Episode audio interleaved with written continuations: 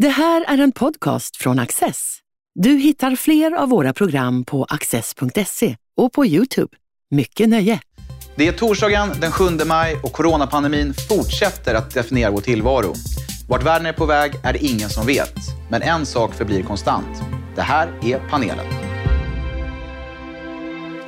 Torbjörn Elensky, du är författare. Karin Svanborg Sjövall, du är VD på Timbro. Och Erik Hörstadius, du är journalist. Varmt välkomna alla tre, säger jag till er. Tackar. Tack. Parallellt med den dagliga rapporteringen om antalet insjuknade och döda i covid-19 börjar även de ekonomiska konsekvenserna av coronakrisen bli allt tydligare. Antalet varsel i år är det största sedan tidigt 90-tal. Och SCB spår att Sveriges BNP kommer att minska med 6,5 procent. Det är det största tappet i modern tid. Ute på kontinenten ser det inte bättre ut. EU-kommissionen spår en nedgång i den europeiska ekonomin på minus 7,4 procent. Håller vi på att gå in i en ny fas av krisen, Karin? Och vad betyder det i så fall? Ja, jag tror att vi är på väg in i en riktigt kritisk fas just nu. Alltså man har gjort liknelser med världsekonomin som en patient som har nedsänkt i koma eh, under den här pandemin. Och nu har man kommit till den fasen när man ska försöka väcka den här patienten till liv igen. Och det är nu man får reda på huruvida det har verkligen orsakat permanenta skador eller om behandlingen har fungerat. Att det har blivit skador, det tror jag är rätt uppenbart för de flesta. Men jag tror att de kommande månaderna kommer ju bli helt avgörande för om det är så att vi nu kastas in i kanske en av de värsta värsta globala ekonomiska depressioner som vi har sett. Eh, eller om det är så att man hamnar i det här lite mer optimistiska scenariot när man tror att det här kommer bli ett, ett förskräckligt förlorat år, men att ekonomin faktiskt studsar tillbaka nästa år, att man kommer få en ordentlig återhämtning. Vad säger Erik? Ja, jag tycker en sak som är slående är att när ekonomer uttalar sig om vad man ska göra och hur läget är så, de ser så vilsna ut och, och tacka fan för det. Det här är en helt ny situation. Vad ska man ta in i sina modeller och hur ska man vikta olika saker? Alltså, jag såg en intervju med Stefan Ingves, riksbankschefen, för några dagar sedan. Och han verkade ju på strålande humör och han sa att det är bara att kasta ut nya pengar och, och det finns nästan ingen gräns. Men sen så finns det ju, om man då är rädd för skuldsättning, eh, och det finns ju skuld tak man inte ska överskrida som medlem i EU och sådana saker. Ehm, så hur stora skuldberg kan vi bygga upp? Det är faktiskt ingen som vet riktigt. Ehm, och det, det som också slår mig är att ehm, det vi bygger kanske in fördelningskonflikter som kommer att komma. För det man gör nu med de här otroligt generösa eh, Ja, det man tar bort arbetsgivaravgifter och det är permitteringsgrejer och sådana saker. Jag till exempel som enskild firma och inte har förlorat jobb hittills på det här. Jag får en ordentlig skattesänkning eller det är väl liksom nedsättning av arbetsgivaravgift och sådana saker. Och man skjuter väldigt brett. Och det vet man att de, till de som har skall vara givet. Va? Och många av de här eh, stöttningarna går till, till företag och ägare som, som mår ganska bra redan. Eh, och skulderna ska ju en gång betalas av vilka då? Jo, folket, skattebetalarna. Så att det kan vara så att vi faktiskt bygger upp eh, ökade förmögenhets och inkomstklyftor i, i, i landet och ja, i hela, hela världen. Och det kan ju bita oss ja, i, i, vad heter det, arslet på sikt. Alltså. Torbjörn? Ja, jag har också en liten känsla av att man har missat att vi inte lever i villa, vovve, Volvo Sverige längre, utan att väldigt många, och inte bara folk med invandrarbakgrund sånt där, jobbar ju som just har enskilda firmor. Det finns en miljon enskilda firmor i Sverige tydligen. Jag har en av dem. Du, kanske du också har, jag vet inte. Eh, jag har aldrig kunnat vara sjukskriven till exempel på grund av hur jag jobbar. Och jag har nu inte sökt och inte behövt söka någonting i det här läget heller. Men det, det här, alltså att man har en sorts prekär sån arbetssituation genom enskild firma och liknande. Det gäller ju alla tänkbara som har småföretag. Från kiosker och taxibilar. Men du vet att du har fått nedsatta avgifter, så du har gjort ett jo, litet jo, men det, här. Absolut, men jag vet inte hur, hur länge det går att leva på det. Jag åkte med en taxichaufför förra veckan som jag pratade lite med. Han jobbar för Taxi Stockholm. Då. Han sa att man har 70 procent enligt honom färre körningar. De åker ju aldrig till Arlanda eller någonting. Och två, tre Arlanda-körningar per dag kan ju vara huvudinkomsten en dag för en taxichaufför. 70 procent färre körningar, okej? Okay? Hur ska han överleva på det? Hur Men det är ska lite min poäng åkarna här. kunna klara av det? Att, att alltså, vi skjuter med en bred, så brett nu med stora kanonen och vissa kommer få... Eh, alltså vi, vi ska vara väldigt noggranna när vi, när vi hjälper så att inte vi hjälper företag som redan, redan står starka. Och så. Jag, jag Ja, förstår... och, och att man hjälper utifrån de förutsättningar som faktiskt finns, där väldigt många inte har fasta anställningar. Men jag tror att du är inne på något jätteviktigt. Alltså, många av de här krispaketen syftar ju i någon mån till att försöka förhindra en strukturomvandling som redan har skett. Alltså, du är inne på att arbetsmarknaden ser inte ut som den gjorde tidigare, men alla våra socialförsäkringssystem är ju uppbyggda utifrån Ja. att det finns arbetstagare och det finns, ehm, och det finns företag. Och så ser det inte ut längre. Och det har ju verkligen blivit blixtbelyst nu. Men, men facket är ju på här. Det är bara om man har kollektivavtal som man ska kunna ta, ta del av de här permitteringsåtgärderna och så vidare. Och det tror jag är ett jätteproblem. Men det, rikt- den riktigt stora skräcken från min horisont utifrån ett rent marknadsliberalt perspektiv, det är ju att det man såg under den förra finanskrisen var ju att de här jättestora stimulansåtgärderna ledde till att man fick en stor sektor av så kallade zombieföretag. Alltså företag som aldrig hade överlevt under normala omständigheter därför att man kan leva på billiga krediter, på billiga pengar, på stödprogram. Och det här gör ju marknadsekonomin svagare totalt sett. Och där finns det ju en, en risk, tror jag, Också just nu när man på väldigt goda grunder ändå säger vi kan inte tillåta hela marknader att bara implodera.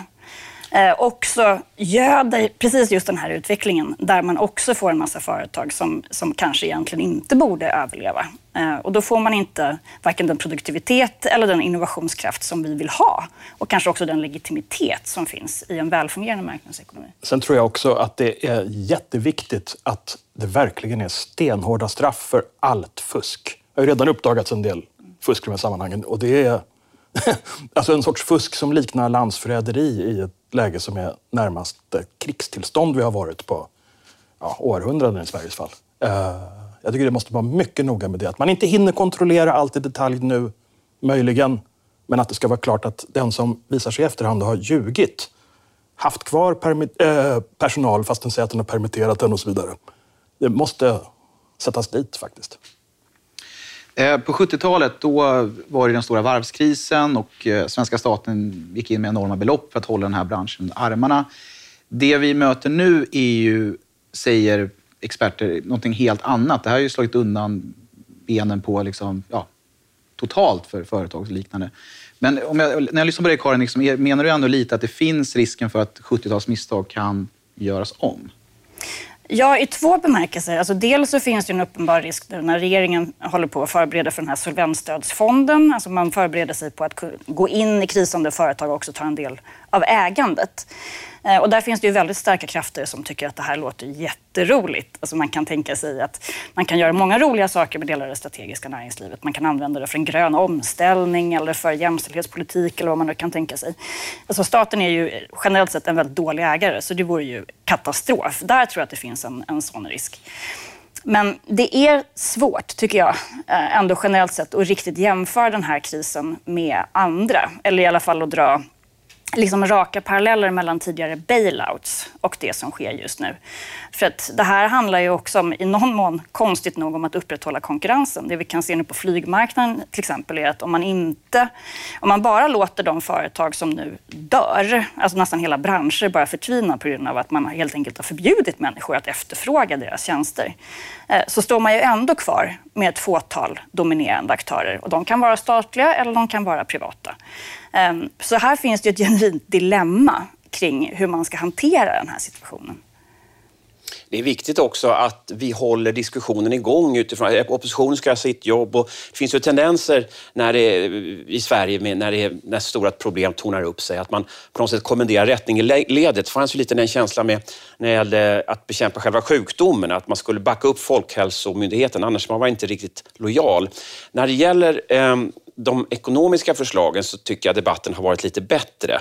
Och där har ju också oppositionen varit med och verkligen påverkat politiken. Men vi ska, vi ska verkligen inte vara rädda för att titta på nya förslag, att lyssna på, på motståndarna och så, så att det inte blir den här monolitiska diskussionen. För då kommer vi missa lösningar och förslag som, som på sikt kan hjälpa oss. Eh, jag tycker det är intressant att jämföra med varvskrisen. När det gäller varvskrisen då fanns det ju också andra länder som stod och väntade på att få ta över, eller hur? Och jag har sett vissa resonemang enligt vilka man i själva verket sänkte just den svenska varvsindustrin genom att ge stora stöd till företag som egentligen inte var livskraftiga. Och sen har Korea, till och med danskarna och så där, tagit över. 2008, intressant, 8-9 den krisen, för då steg ju Kina upp då extremt snabbt medan hela övriga världen krisade. Kanske kommer något sånt nu igen och om det blir Kina vet jag inte. Men det skulle jag säga, eh, min, min personliga uppfattning om det här med stöd, att jag tror att det är bra att jämföra hela vägen tillbaka till andra världskriget. Då var ju Sverige inte med i kriget naturligtvis, men vi hade ju ändå en enormt krisande ekonomi och eh, som jag förstår det så gick staten då in och la enorma beställningar. Dels ställde man ju om naturligtvis till en annan typ av produktion än den man hade innan. Men staten la, la stora beställningar och köpte upp och höll igång marknaden på det sättet. Någon som är ekonomihistoriker kan det här säkert bättre än jag. Jag tror att det här kommer att hålla på. Och framförallt efterdyningarna i flera år. Att vi kommer, oavsett formerna så kommer staten vara tvungen att gå in och på något sätt hålla igång ekonomin över ett par, tre år skulle jag personligen tro. Eh, ett uttryck är ju “never waste a good crisis”. Eh, kan det här vara ett bra tillfälle att, att genomföra reformer som annars inte skulle kunna genomföras? Och vilka reformer skulle ni i så fall vilja se? Ja, absolut. Eh, det här är ju väldigt mycket av det som tidigare varit omöjligt har ju plötsligt blivit möjligt på väldigt kort tid. Så man har ju visat att alla de här diskussionerna som jag haft tidigare kring att det har funnits fördrag, det har funnits juridik som har stått i vägen. Nu har ju politiken verkligen visat sig ändå trots allt ha primat i det här läget. Eh, och här tror jag att det kommer att vara en väldigt stark både reformstrid och idéstrid. Eh, inte minst när många av de här åtgärderna som är tillfälliga ska dras tillbaka. Då tror jag att vi kommer att se en väldigt tydlig återgång till en ganska klassisk höger-vänster-konflikt. Och den kan ju både vara revitaliserande och bra. Den kan också vara dålig därför att det här är också en liksom, tillfällig nationell samling när man skulle kunna genomföra sånt som man vet och har vetat ganska länge har varit nödvändigt men som inte går att göra under goda tider. Och då handlar det inte minst tror jag, om, om reformer på arbetsmarknaden Alltså vi skulle behöva mer flexibilitet än vad vi har idag, inte mindre om man ska bli mer stöttålig. Man upphäver mängder med regleringar, både på kommunal nivå och nationellt. Man kan ju ifrågasätta ifall alla de verkligen ska återföras. Alltså det verkar som att det går alldeles utmärkt utan väldigt många av dem. Man kan få en genomlysning av hur många myndigheter vi gör och ifall de generellt sett gör oss mer stöttåliga eller inte. Ehm, jag tror att man ska inte bara tänka sig århundradets skattereform, kanske århundradets regleringsreform också. Det har man sett i andra länder. Så att när fokus skiftar över till hur vi ska liksom kickstarta ekonomin igen eh, så finns det ett gyllene tillfälle för politiska entreprenörer att faktiskt spänna bågen på ett sätt som inte varit möjligt tidigare. Och där gäller det att vara på. Fast om det blir massiva sociala problem, då kommer det vara väldigt svårt att få med folk på sånt här. Alltså om det verkligen blir eh, tvåsiffrig arbetslöshet och så vidare. Det kommer inte få folk att... alltså det kommer vara väldigt svårt att hantera det här då ändå, tror jag. Det tror jag också. Men om man, tänker, man jämför med 90-talskrisen, där har ju ändå historieskrivningen i efterhand mm. landat ganska tydligt i att, att man lyckades genomföra strukturreformer som sedan la grund för en välståndsökning som vi har levt ganska gott på. Trots att det ju var ett enormt stålbad som orsakade väldigt mycket lidande. Det finns ju fortfarande familjer som inte har kommit ikapp eh, efter den tiden. Jag säger inte att det kommer vara enkelt eh, och det kommer krävas väldigt mycket skicklighet från politikernas sida för att göra detta. Men, men samtidigt så, så, tror jag att om det är någon gång det finns möjligheter att göra saker eh, som är mer fundamentala än vad man gör i vanliga fall när man liksom skruvar lite grann. Men samtidigt har man ju inte riktigt känslan av att, att partierna har tydliga reformagendor. Alltså om vi tar de reformer som kom i 90-talskrisen, där hade man ju liksom så att säga förberett sig ideologiskt med, det handlar om, om, ja, om friskolor och sådana saker. Kort innan det kom ju skattereformen, stora skattereformen och sådär. Men jag tror att många med mig uppfattar en vilsenhet hos partierna. De försöker, alltså före corona, orientera sig i ett landskap där höger-vänsterskalan inte riktigt gäller på samma sätt längre och det är en osäkerhet kring, kring migrationen, arbetskraftsinvandringen och eh, stor förvirring kring skolan också. Det är mycket fokusering på Eh, om man ska ha som friskolor eller inte, men hela pedagogiska upplägget, eh, vilket ju faktiskt under corona nu när, när gymnasisterna undervisas hemma via datorer, eh, så kanske man kan se Alltså lite nyfiket gå in, vad funkar bra i skolan och vad inte. Så det är en chans att betrakta saker på ett nytt sätt. Men jag tycker inte att partierna har, hade för corona en tydlig riktning framåt. Och jag förstår inte hur de ska kunna formulera det i en tid när det handlar så mycket om krishantering. Eh, sen så, en annan sak är ju att vi börjar nu mer och mer inse att det här, vi kommer få leva med det här i minst ett och ett halvt, två år tills ett vaccin kommer. För att det blir ingen flockimmunitet. Det kan man inte tänka sig och säga att det uppstår i något land. Så det landet eh, har ju så att säga, samspelar ju då med andra länder. Eh, så att det kommer komma nya utbrott av alltså en andra våg och en tredje våg av viruset. Eh, så att det kommer liksom inte... Det kommer stå småhacka hela tiden ganska länge.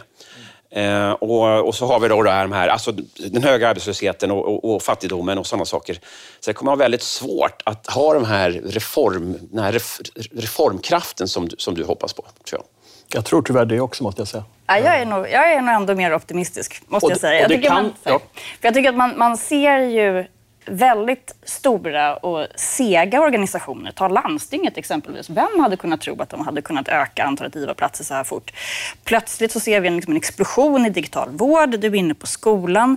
Ehm, man gör saker på helt nya sätt och då finns det förstås alltid en risk att det både är politiskt svårt att göra saker för att det är stökigt och därför att det finns en naturlig konservatism. Man vill gå tillbaka till det som var innan. Men man gör en massa lärdomar just nu som jag tror att vi kommer att ha ganska stor nytta av. Det tror jag att du har alldeles rätt i. Men, men en, en läskig lärdom kan ju vara, oj vad vi klarar oss med lite folk på den här verksamheten. Eh, bara en sån sak som att om folk har mer videokonferenser och sådär, så istället för att träffas, eh, träffas live, så blir det mindre behov av transporter. Och, och det är många människor sysselsatta i trans transportsektorn på olika sätt. Och vi kanske kommer att resa mindre till andra länder. Turistindustrin är ju gigantisk i ja, södra Europa och ja, stora delar av världen. Och, Ehm, så att, så att på, om man kan navigera bra i den digitala ekonomin så eh, kommer det kanske gå jättebra. Men jag kan tänka mig att väldigt många jobb permanent försvinner och då, då återstår ju frågan, vad ska de människorna liksom syssla med? Eh, dessutom kan man addera en teknologisk utveckling här, förarlösa bilar till exempel. Och det finns ju många tjänster, alltså tjänstemannayrken som gradvis ersatts av ja, artificiell intelligens på olika sätt. Eh, så det, det, kommer liksom bli nästa stora fråga. Vad ska vi göra med de människor som har blivit sys sysslolösa? Mm. Och när du, när, du nämner turismen så är det ju verkligen en jättegrej också. Inte för Sverige precis, men i Frankrike, Spanien och Italien motsvarar det mellan 12 och 14 procent ungefär för mig av BNP. Det är en vansinniga siffror. Plus allt sekundärt i form av restauranger, transporter, vad du vill. Alltså det är enorma delar av världsekonomin som åtminstone sätts inom parentes under överskådlig tid får man säga. För folk kommer inte börja turista i sommar eller nästa sommar heller kanske. Inte i den omfattningen i alla fall. Det kommer de inte få. Nej, inte få. Nej, men precis. Och även, även när man får kommer det dröja innan man kommer igång igen och gör det. Jag tänkte vi ska prata lite om eh, Europasamarbetet. Eh, igår kom nyheten att Sverige är ett land som inte har hjälpt några andra EU-länder vad gäller eh, skyddsutrustning eller liknande. Vad tänker ni kring det? Ja, men... Eh får man väl småskämmas lite. Eh, men jag är, sen vi trädde in i EU har jag uppfattat att Europa är inte närvarande riktigt i... Liksom det, det I Sverige? Nej. Utan vi, vi, eh, vi, vi, lever, vi lever vårt nationalstatliga liv och så turistar vi, alltså flyger runt i världen och, och, och till vackra stränder och så. Men inte är vi europeer, så att det här är... Det är lite pinsamt, men, men det är inget konstigt att vi glömde bort att hjälpa de andra, för det är ingen som påminner oss om det. Sen kan man tycka att det pinsammaste av allt är att ursäkten tydligen är att men vi har ju inte heller fått någon hjälp. Det, då är man nere på sandlåda. på allvar. Och visst fick vi hjälp av till exempel Polen i, när, ja, ja, ja. När och vi, och vi, kommer, vi, och... vi och andra länder mm. kommer ju behöva både hjälp och samarbete av olika slag. Tror jag. Fast jag vet det, det är ju en sån här, det är en ödesfråga om egentligen EU överlever i någon meningsfull form. Ska jag säga. Det är fruktansvärt starka krafter som nu är mot EU i stora länder som Italien inte minst. Det pågår, ja precis. Alltså, nationalstaten menar ju somliga är liksom... Den här coronakrisen har visat att nationalstaten är den enda relevanta politiska arenan när det verkligen gäller.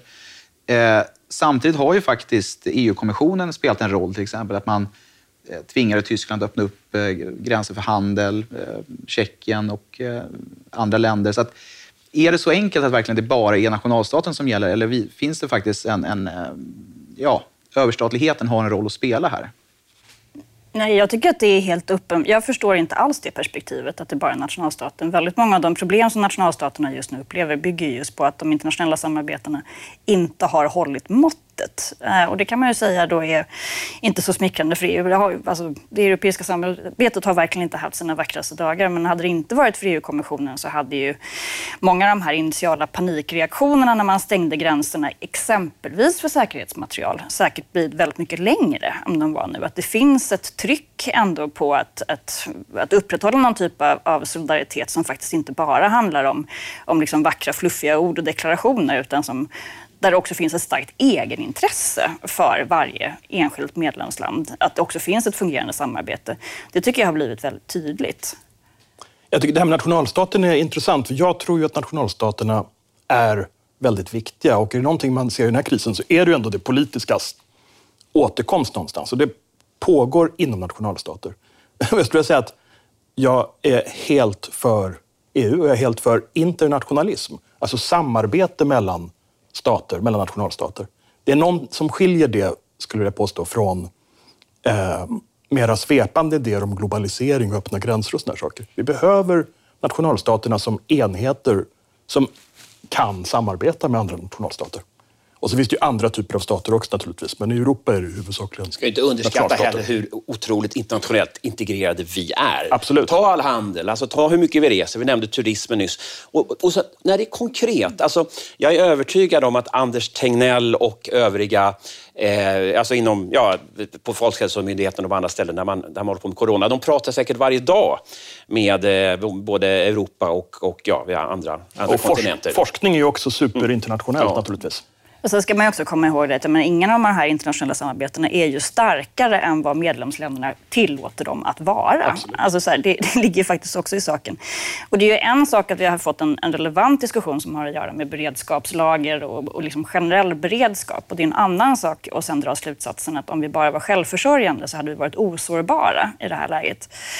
Eh, Hanne Kjöller skrev en bra artikel om det för, för några veckor sedan. Hon sa det att vi, vi tenderar att alltid vilja för, vara förberedda på just den kris som drabbar oss. Men man kan ju tänka sig mängder med krisscenarier eh, där det kommer komma krav i efterhand på att vi borde haft liksom, 8 miljoner gasmasker eller liksom vad det nu kan tänkas vara.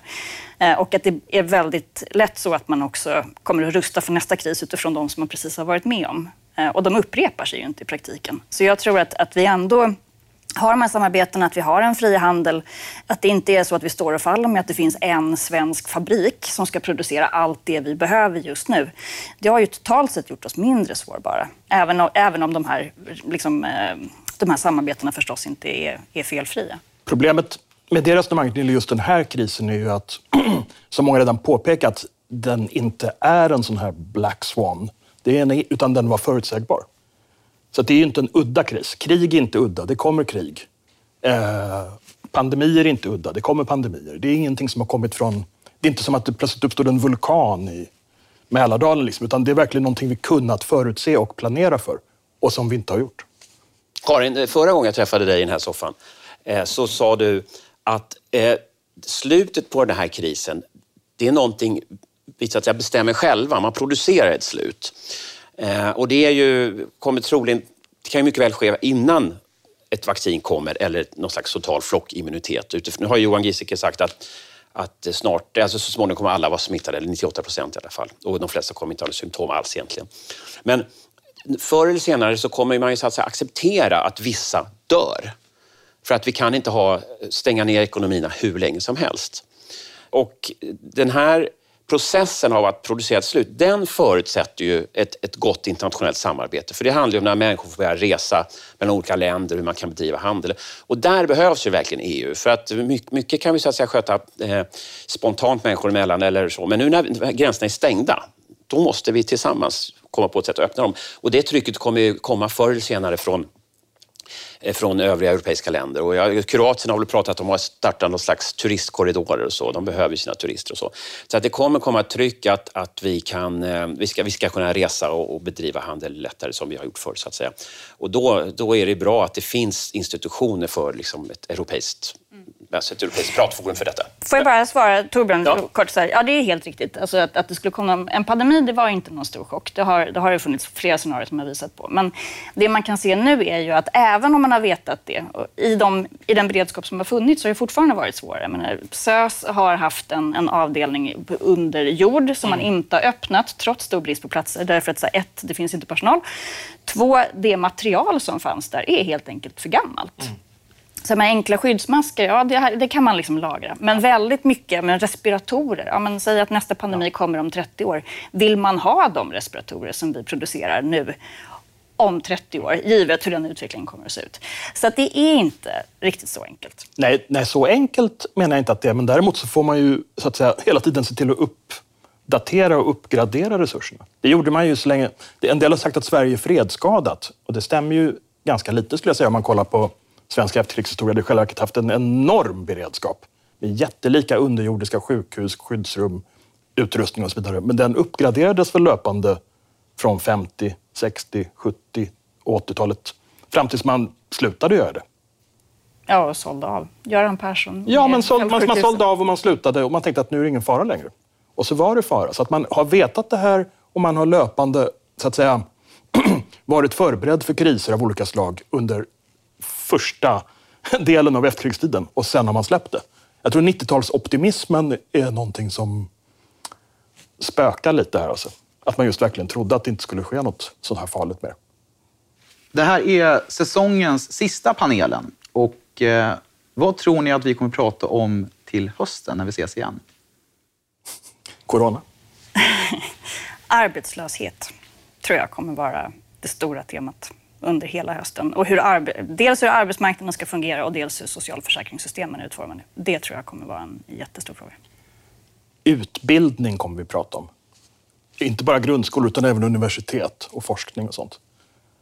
Men när pengarna börjar sina kommer de sina till forskning som man inte har lust att betala för längre också. Samtidigt som vi använder universiteten som en sorts eh, arbetsmarknadsåtgärd i Sverige sedan lång tid. Något som har hamnat lite under radarn är ju kriminaliteten. Som, så vissa brottskategorier har ju alldeles uppenbart ökat senaste åren. Personrån mot unga, sprängningar, skjutningar och sånt. Och nu pratar vi inte så mycket om det av, begripliga skäl. Jag, jag försöker följa lite så här notiser om, om otäckheter som händer för att få feeling på om, om, om det tycks vara en avstanning eller, eller, eller, att, att, eller så, att det, så att, att de kriminella fortsätter att, att bedriva sin verksamhet. Och jag min misstanke är att det inte är speciellt mycket mindre kriminalitet nu. Det är bara att media inte uppmärksammar det lika mycket. Så de, den frågan kommer komma tillbaka också. Och det kan ju också vara så tyvärr att många människor som lever i just sådana områden som med, med, med extra mycket kriminell belastning, där har många blivit arbetslösa kanske. Och kanske framtidstron riktar kanske extra mycket där när det gäller att, att hitta utbildning och jobb som tar en in i matchen och sådär. Och i så fall har vi ju ett, så att addera till ett redan svårt samhällsproblem. Får jag tillägga en sak? Jag tror vi kommer att prata om media också. vi såg ju Aftonbladets nedskärningar nyligen. Det kommer att vara mycket mer sånt tror jag. Det kanske är flera tidningar, eller ett par tidningar som försvinner till hösten. Och andra kanaler. Det kommer att vara ett allvarligt problem. Också demokratiskt, inte minst. De orden får avsluta säsongens sista panelen. Det var jättekul att ha er med. Stort tack för att ni har tittat. Ta hand om varandra och vi ses till hösten. Du har just lyssnat på en podcast från Access. Du vet väl att vi också är en tv-kanal och tidning? Teckna en prenumeration idag på access.se.